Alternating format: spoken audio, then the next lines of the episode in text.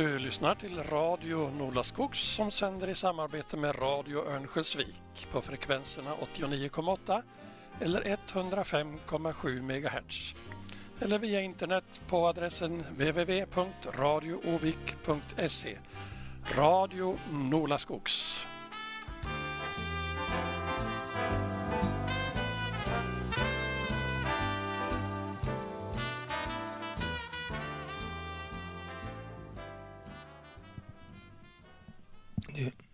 Välkomna till Radio Nolaskogs med Vårdpratarna. Dagens vårdpratare är Lennart Forslund. Efter programmet Vårdpratarna följer en novell. Jag heter Elly Gunnarsson.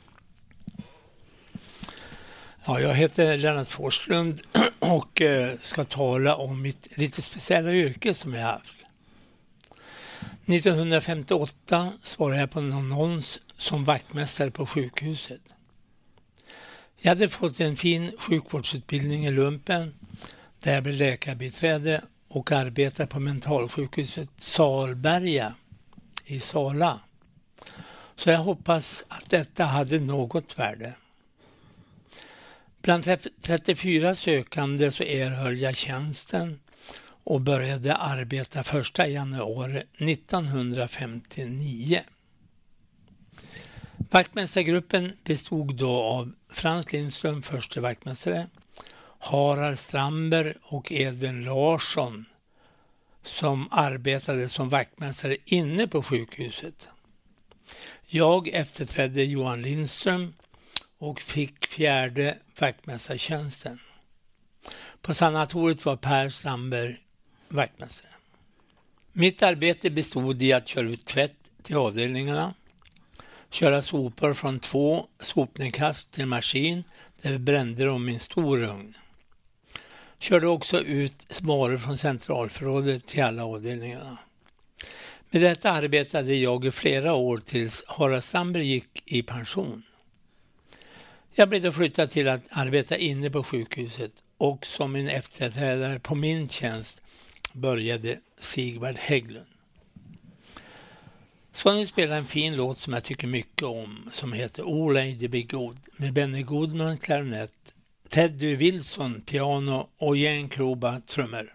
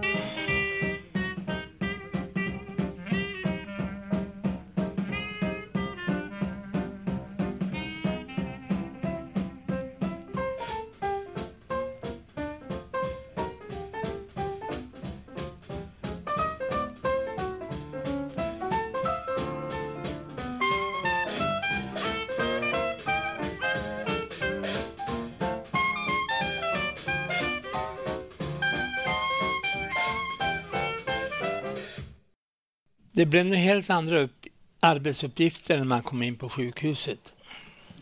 Där skötte vi postgången och delade ut brev. Men också gipsklippning, något som tog en tid att lära sig. Vi tog emot varor till centralförrådet. Vi sopade och saltade alla broar som fanns på den tiden och vi hämtade det som avlidit under natten. Vi arbetade mellan sex till halv åtta vissa dagar och arbetade två helger av tre. Varför vi skulle börja klockan sex gick länge innan jag fattade att det var vaktmästaren själv som ville börja tidigt för att i lugn och ro hämta det som avlidit under natten. Att ta hand om avlidna har alltid legat på vaktmästarna sedan sjukhusen bildades. Redan 3 så kan man läsa i gamla papper av det första lasarettet i stan att det fanns ett litet mörkt rum där man utförde obduktioner. 1907 byggdes en fristående byggnad vid Ångmansgatan som inte hade någon uppvärmning utan skulle en obduktion utföras fick man vintertid elda upp lokalen så att man kunde utföra en obduktion. Det fanns ingen, på den tiden inga kylar så man kan förstå deras dilemma. Först vintertid med kylan och på sommaren med värmen.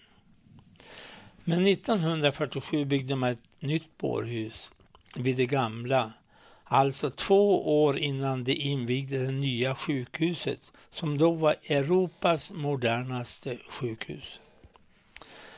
Spelar nu Pennis från Heaven med Roland Andersson dragspel. Varför jag gillar jazz på dragspel kan bero på att jag var med och bildade en trio när jag var 18 år och bodde i Köpmanholmen. Vi döpte det till Swinging Accordion Boys. För vi tyckte att engelskan lät så bra. Det var med Bengt Larsson som var en fena på dragspel. Rolf Westman trummor och jag själv som spelade bas. Vi spelade i omkring tre år runt i kommunen på olika lokaler. SSU, loger och bland annat på Kusttrafik som hade sina sommarkryssningar. Och vi spelar just den musik nu ni ska få höra.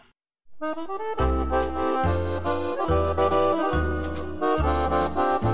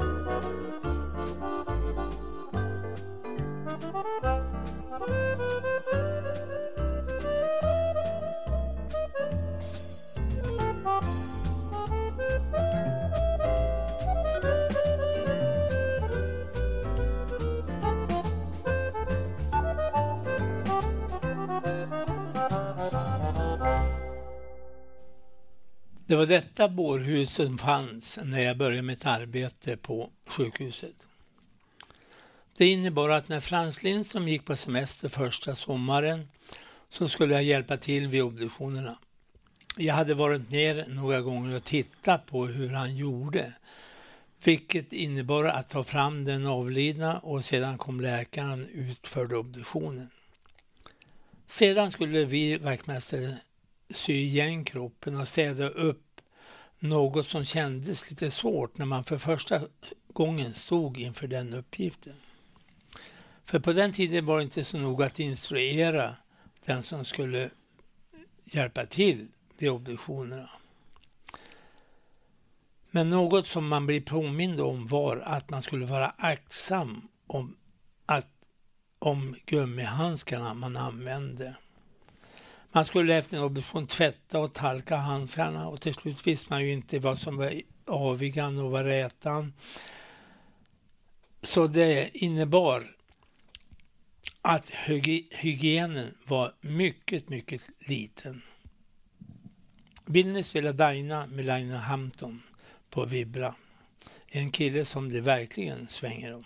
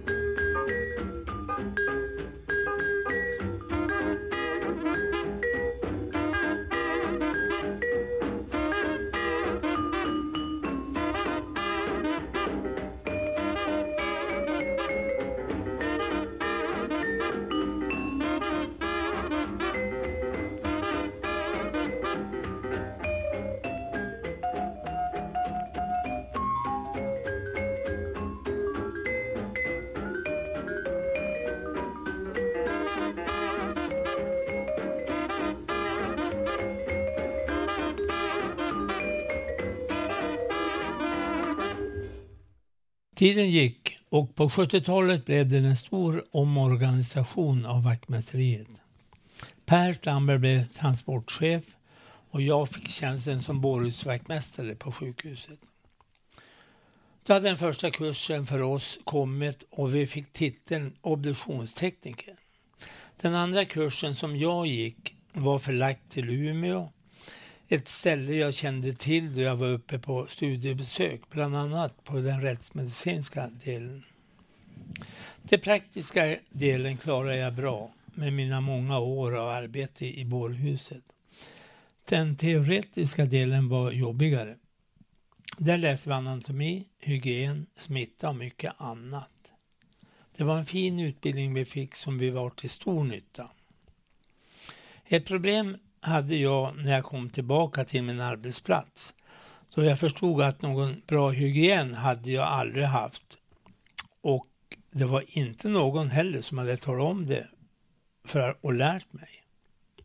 Jag införde plasthandskar så fort jag arbetade med en avliden och började använda munskydd när man tog hand om en infektionspatient. Jag höll mig frisk trots att jag flera gånger stuckit mig på nålen när man sydde ihop. Jag tog så många stelkrampsrutor att jag tror jag är immun för resten av livet. En, en jag vill ha med i min musik är Lou Armstrong som här spelar West and Blues och visar att han är mästare på att spela blues.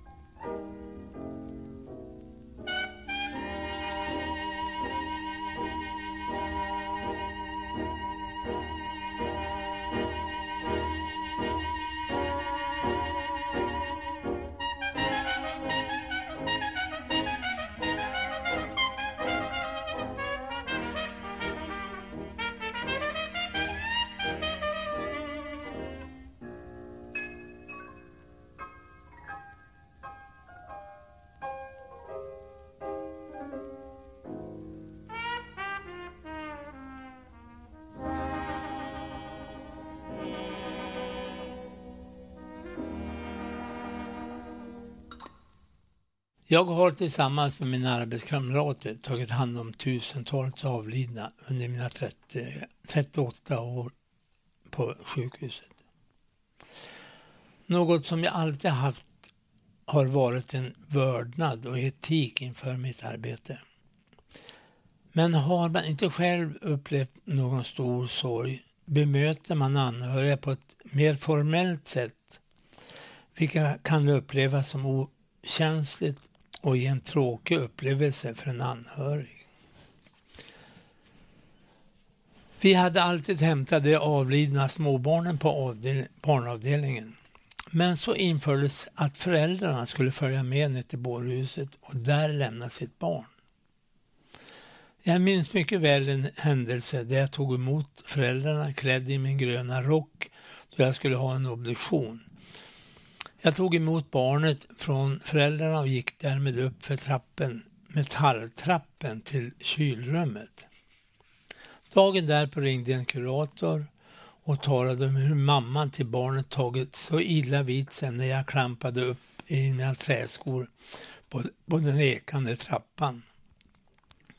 En sak som jag inte ens kunde drömma om skulle kunna vara fel blev en svår upplevelse för henne. Efter detta fick föräldrarna komma ner och lämna barnet i den lilla sängen och sedan gå. Därefter tog jag barnet upp till kylen. En viktig påminnelse om att etik är viktigt. Spelar nu Summertime med Billie Holiday, en underbar sångerska med ett tragiskt liv.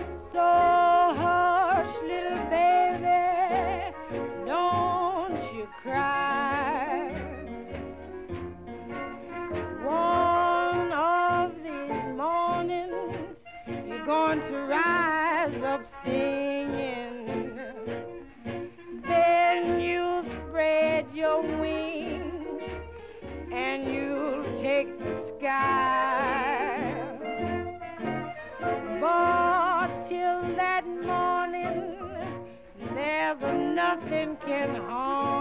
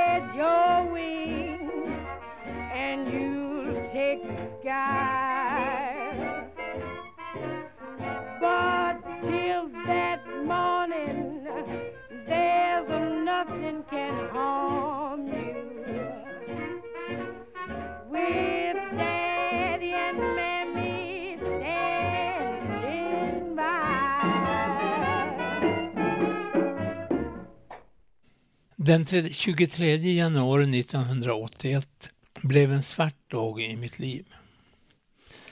Jag sitter i ett telefonsamtal när växeln bryter och säger att jag har ett mycket viktigt samtal. Det var Anna, vår dotter Anna-Karins svärmor, som skrek i telefonen Tommy är på väg i ambulans till sjukhuset. Hon kunde inte säga vad som hade hänt så jag ringde akuten och de svarade att Tommy hade kommit in. Jag sprang upp på akuten och där låg Tommy död på en bårvagn. Jag fick höra att han blivit klämd i en hiss på sitt arbete. Allt var kaos i mitt huvud. Jag visste att Anna-Karin skulle börja klockan två på VM-kliniken. Hon var nygift med Tommy. Hon var gravid i sjunde månaden. Jag visste att jag måste gå upp och tala om vad som hade hänt. Tankarna flög runt i huvudet. Först tänkte jag att vilken lycka att ambulans inte kom in till mig först. vilket var mycket vanligt om patienten redan var död när ambulansen hämtade. Sedan tänkte jag på Anna-Karin. Hon är i sjunde månaden. Hur kommer det gå för henne? Får hon missfall? Ja, allt snurrade i mitt huvud. Jag gick upp till VM-kliniken och där satt hon i fikarummet innan hon skulle börja arbeta. Jag tror hon fattade det värsta när hon såg mig. Vi gick sedan ner till mödravården där hon undersöktes och sedan åkte vi hem. Allt gick så, som en dröm, men vi klarade upp det. Jag var sjukskriven en vecka, men gick varje kväll upp och sa godnatt till Tommy för att Anna-Karin ville det. Efter denna händelse så kände jag, som arbetade många år med döden, att jag var en mycket vanlig människa. Jag hade, jag hade i mitt arbete inte haft en tanke på att något sådant skulle hända mig. Denna händelse gjorde att jag på ett helt annat vis kunde bemöta anhöriga som jag träffade eller som ringde och inte visste hur man skulle bära sig åt när en anhörig gått bort. Jag kunde nu sätta mig in i hur de kände och jag tror att jag på ett bättre vis kunde hjälpa dem. Vill ni spela Begin the Begin med Arthur Shaw?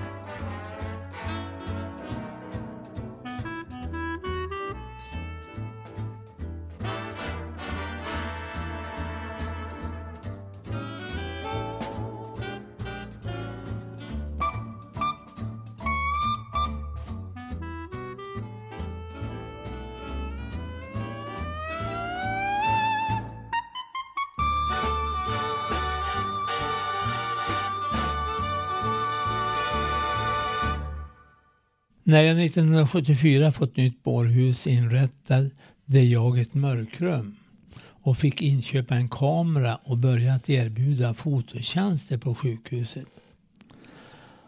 Då man tidigare saknat någon som fotograferar så blev det populärt att anlita mig för behovet fanns.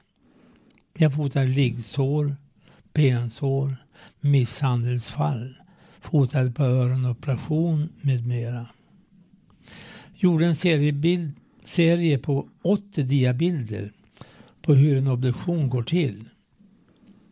Det innebar att jag visade dessa bilder och talade om hur det gick till för sköterske och undersköterskeutbildningen som vi då hade på den tiden. Min efterträdare Lars-Erik Sandberg fortsatte, fortsatte även han med detta. Mitt yrke är naturligtvis lite speciellt men har alltid funnits sedan sjukhusen kom till. Det är ett yrke man sällan talar om för döden är många rädd för. Men jag är stolt över mitt yrke. För har inte obduktionen utförts så hade inte den kunskapen om sjukdomar kommit så långt som det är idag. Jag har under mina 38 år varit med att omhänderta över 10 000 avlidna. Många gånger har det känts svårt, men det måste ju gå. Jag har haft förmågan att när jag gått hem så har jag lämnat jobbet kvar och jag tror jag därmed har klarat av arbetet.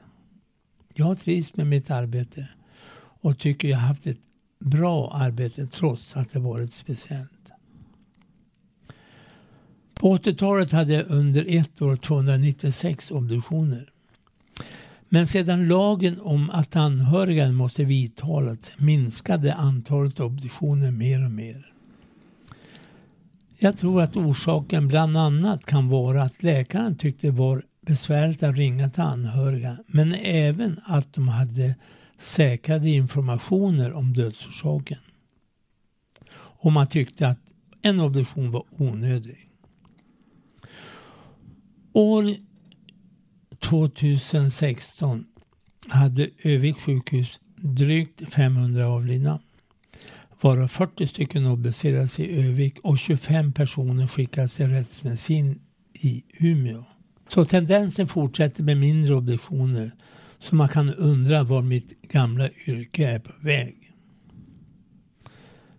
Vill nu spela In the Mood med Glenn Miller.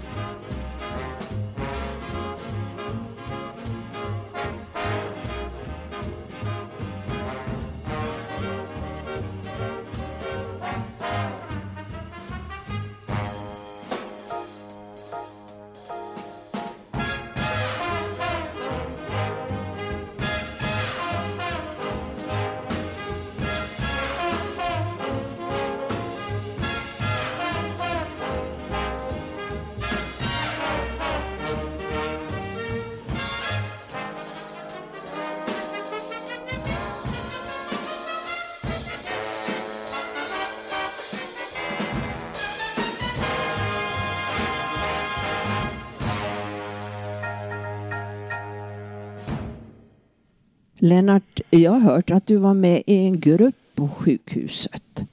Vilka var med i den här gruppen och vad sysslar ni med? Kan du berätta lite? Ja, det förstår jag vad du tänker på. Det var så här, en, en jag träffade Erland Wemer en gång eh, och eh, vi började tala om musik och, eh, och jag tror han var nere på en obduktion förresten när det blev tal om det här.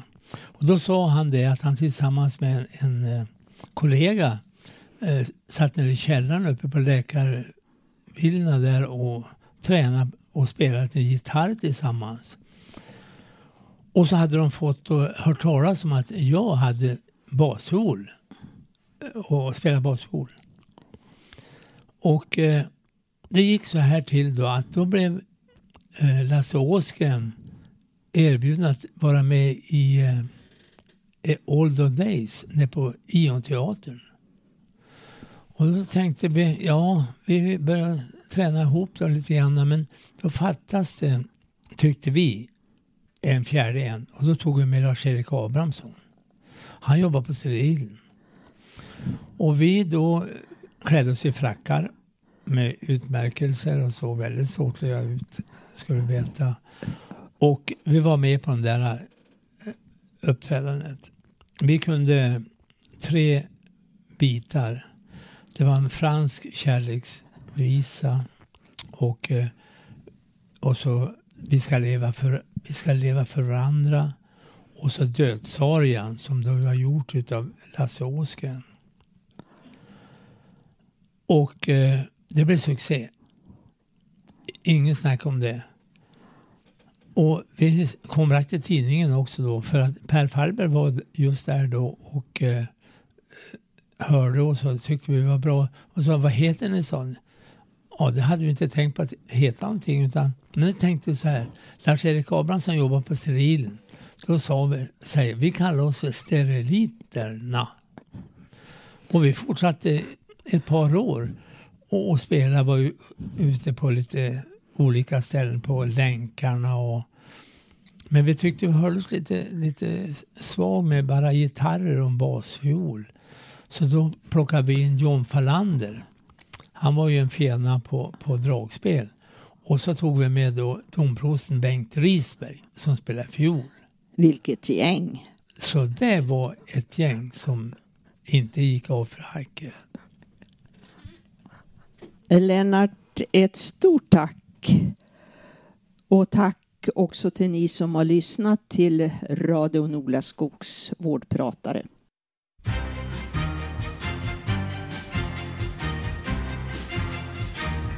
Nu följer Nu minns gubben av Stig-Åke Stålnacke. Uppläsare är hans dotter Kristina.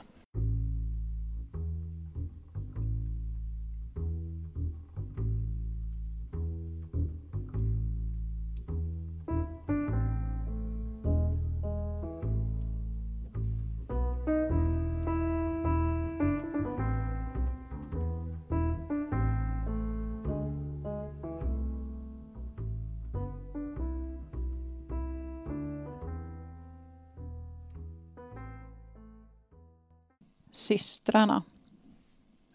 Flickorna de tre. Flickorna tätt intill, kloss intill varandra. Tre flickor i ram på mor Agnes sovrumsvägg. De tre alltid intill varandra. Snygga intill varandra. Ibland slitna och trötta intill varandra. Mor Agnes lät sig aldrig bedåras av ytan. Nej, det bryr jag mig inte om, bara det inte går illa för dem, flickorna, sa hon. Inte göra illa, inte fara illa. Flickorna, de tre töserna Stålnacke, slagskämpar. De som tog i när andra teg, tog i så det dånade i rättens krater. Det var de som väpnade sig mot samhällets orättvisor, de som reste vrede och ordets vapen mot den ojämlikhet som la sig som ett tungt ok över den utstötte, den som inget ägde eller ingen egen talan hade. Där, på den barrikaden, ställde sig flickorna.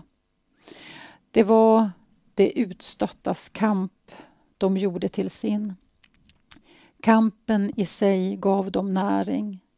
Mod föder mod. Flickorna var mina systrar, Maj, Maria och Karin. Och det kan synas förmätet att jag strör dessa rosor över dem, men milde tid, jag satt ju på parkett och såg dem slåss mot den fula orättvisan. Jag såg gång på gång hur de tre flickorna grep sina vapen och aldrig, säger aldrig, drog sig för att ta striden varhelst de såg människor sättas på undantag. Varhelst de såg medmänniskor fara illa, varhelst de såg med medmänniskor få sina rättigheter kuvade.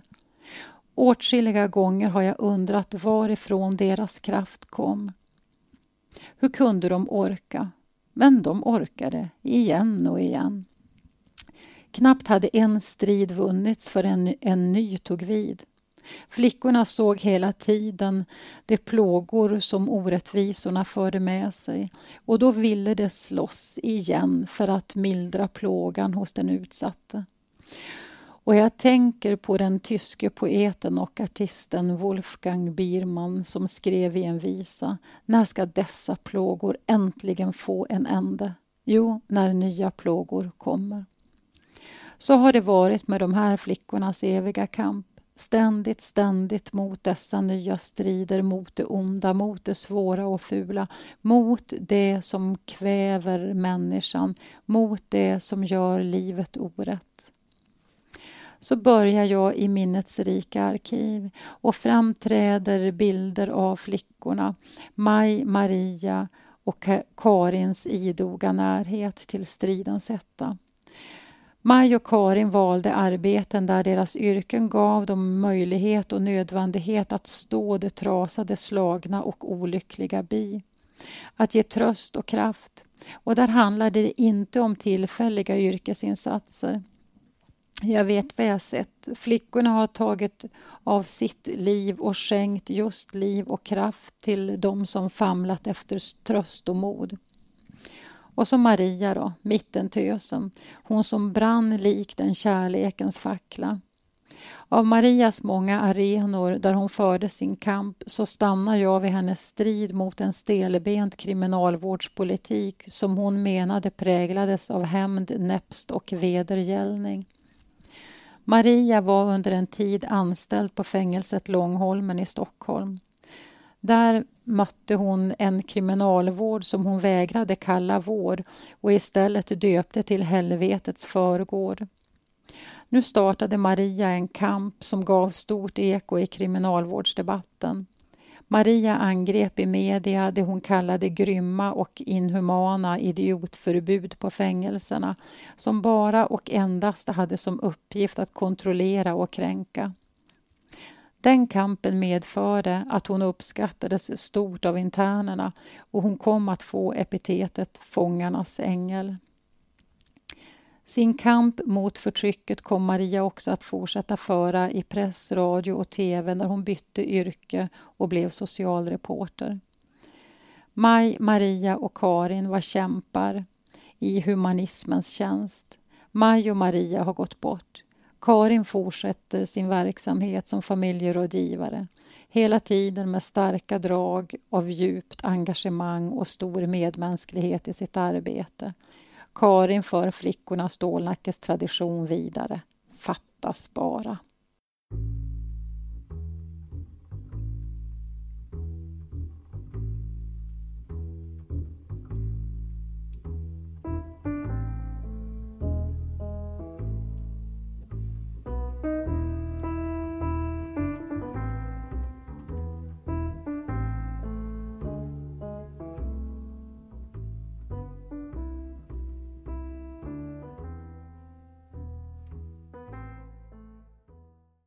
Morfar.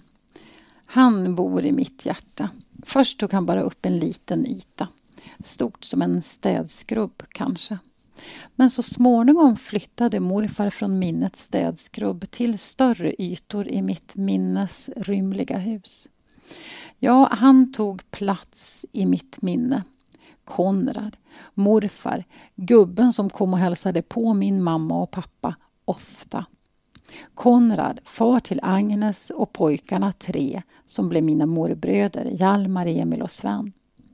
Myckling var orten och när jag tänker på morfar Konrad Forsman och hans fyra barn fylls jag av skönhet, poesins skönhet eller kanske av poesins bistra verklighet. Konrad var åkeriägare men i mitt minne var han först och främst en spelman. Liksom sonen Emil med fiol och Agnes med gitarr och Hjalmar med dragspel. Vilka spelemän och vilken familjelycka och Frosinis låtar. När morfar kom på besök, när han körde in sin bil på gården, då tändes något i mors ögon och hon skyndade att sätta på pannan på spisen. För mor Agnes älskade sin pappa högt och rent och den kärleken var i sanning besvarad, så till den milda grad att de tu var ett. Konrad kom från Norrbotten. Han var en driftig man. Frejdigt drog han igång sin åkerirörelse i Myckling och hade tidvis ordentlig skjuts på sin firma. Men det var spelmannen och hjärtats poet som jag minns starkast hos min morfar. Nu sitter jag och ritar ner en bild av Konrad och tänker på när han blev en gammal man. Håret fortfarande korpsvart. Då hade han sålt åkeriet och blivit hemmansägare en jordens brukare i Nätra. Han blev nog aldrig någon genuin bonde men han livnärde sig gott på att pula med lite ved och björkslanor som han levererade till bageriugnar i trakten. I Köpmanholmen gick det åt mycket kaffeved. Men mest glad var han när han la röjyxan, sågen och andra jordnära redskap åt sidan och tillsammans med dottern Agnes fick fylla sin packar med allehanda egentillverkade kvastar, fynd och pynt för att nasa. Det var frihet. Vid återkomsten efter en lyckad turné i de ångermanländska byarna spelade morfar med lysande ögon på fiolen Mest älskade han två små fåglar på en gren. Det var fest när morfar tog fram tjuringen och täljde stora bitar av ost, renstek och korv. Ja, då var det en glädjens stund på jorden. Primitiv mat, fiol, sång och kärlek. Detta pyttelilla minnesporträtt är skapat som en erinran om att byn en gång ägde en man som satte ljuvliga musikaliska avtryck och som, om man ska vara helt ärlig, hellre fattade stråken än rattade sin flotta automobil.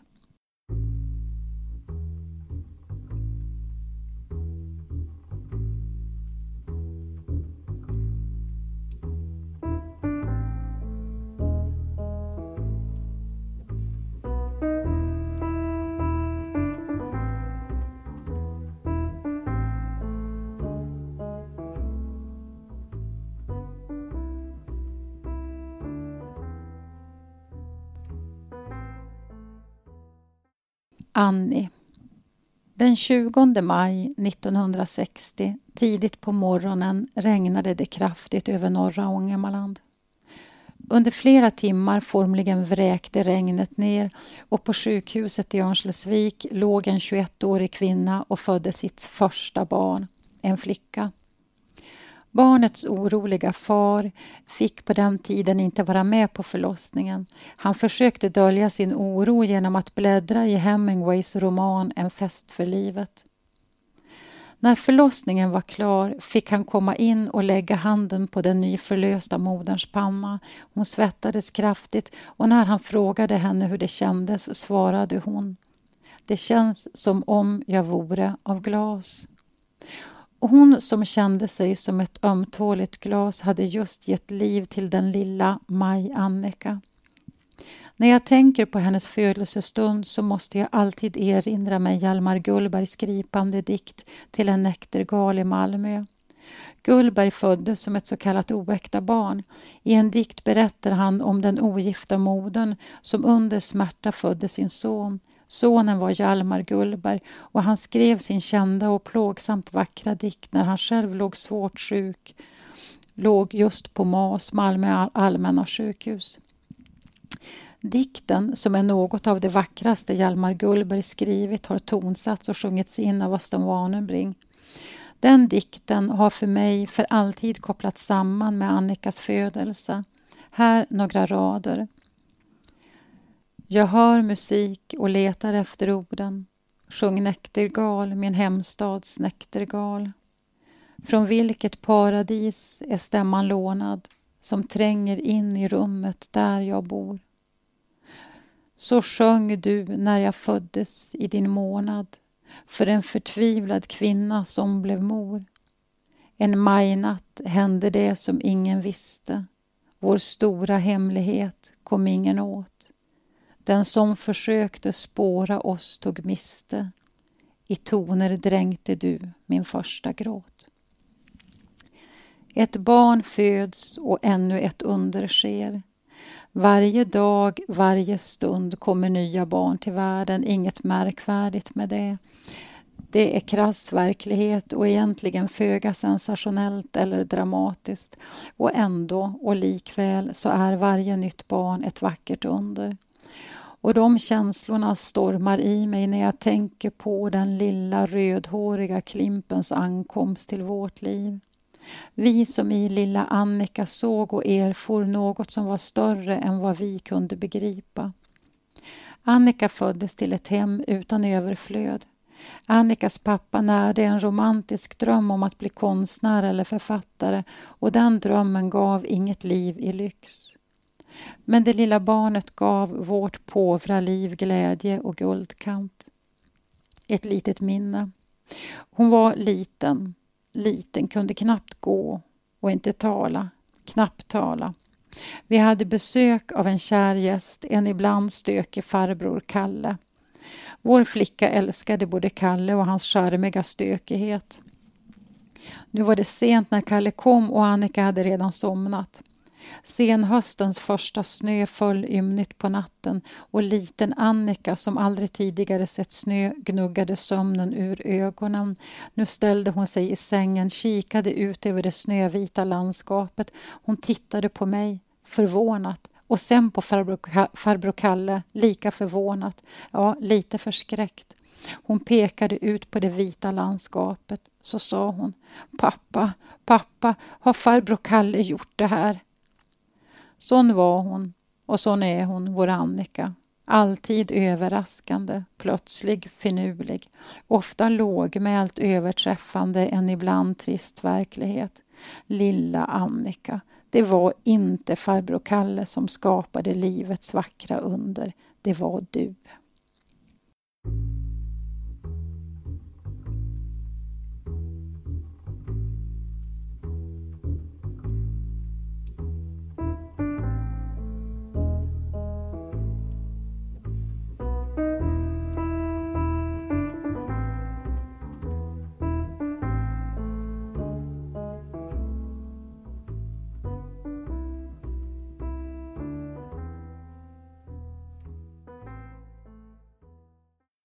Mia. Solen gassade. En sån varm sommar hade den femåriga Maria aldrig varit med om. Hon bodde tillsammans med sin mamma och pappa och två systrar i ett stort gammalt hus någon mil från stan. En hund som hette Donna fanns också i familjen. Den här sommaren ägnade de tre systrarna åt lekar. Den äldsta av dem, Annika, var den som styrde lekarna med mild hand. Den yngsta, Kristina, tultade mest omkring i full färd med att erövra världen. Och Maria blev blomsterplockerskan. Oavbrutet och till slut maniskt plockade hon sina prunkande blomsterfång. Föräldrarna var till en början förtjusta och letade fram vaser och skålar till alla buketter de fick. Hemmet började likna en blomsterhandel. Föräldrarna tackade och tackade förtjust men efterhand med en aning krystad entusiasm inför alla kvastar som bara ökade i antal och omfång. Även tillfälliga gäster undfägnades strax med färggranna knippen. Blommorna plockades på ängar i närheten. Men eh, när skördandet av snittblomster begynte sträcka sig farligt nära egna och grannens rabatter då falnade föräldrarnas entusiasm. Men hur hejdar man en lyckligt, lycklig blomsterplockerska utan att beröva henne denna gränslösa sommarglädje? Dock, när så grannen blev erbjuden vackra buketter ur den egna rabatten, ja, då måste blomsterhandeln få ett slut. Det skedde via att föräldrarna försökte rigga ett lukrativt städbolag som utförde sina nya uppgifter i de egna flickrummen, men det blev aldrig någon framgångsrik rörelse. Det är säkert roligare att plocka blommor än att städa stökiga rum som ser ut som kaosartade städskrubbar. Det som varit sprudlande glädje i Marias ögon förvandlades till trötthet och glåmig tristess. Men den sommaren när Maria plockade blommor, den finns för alltid inskriven i våra hjärtan.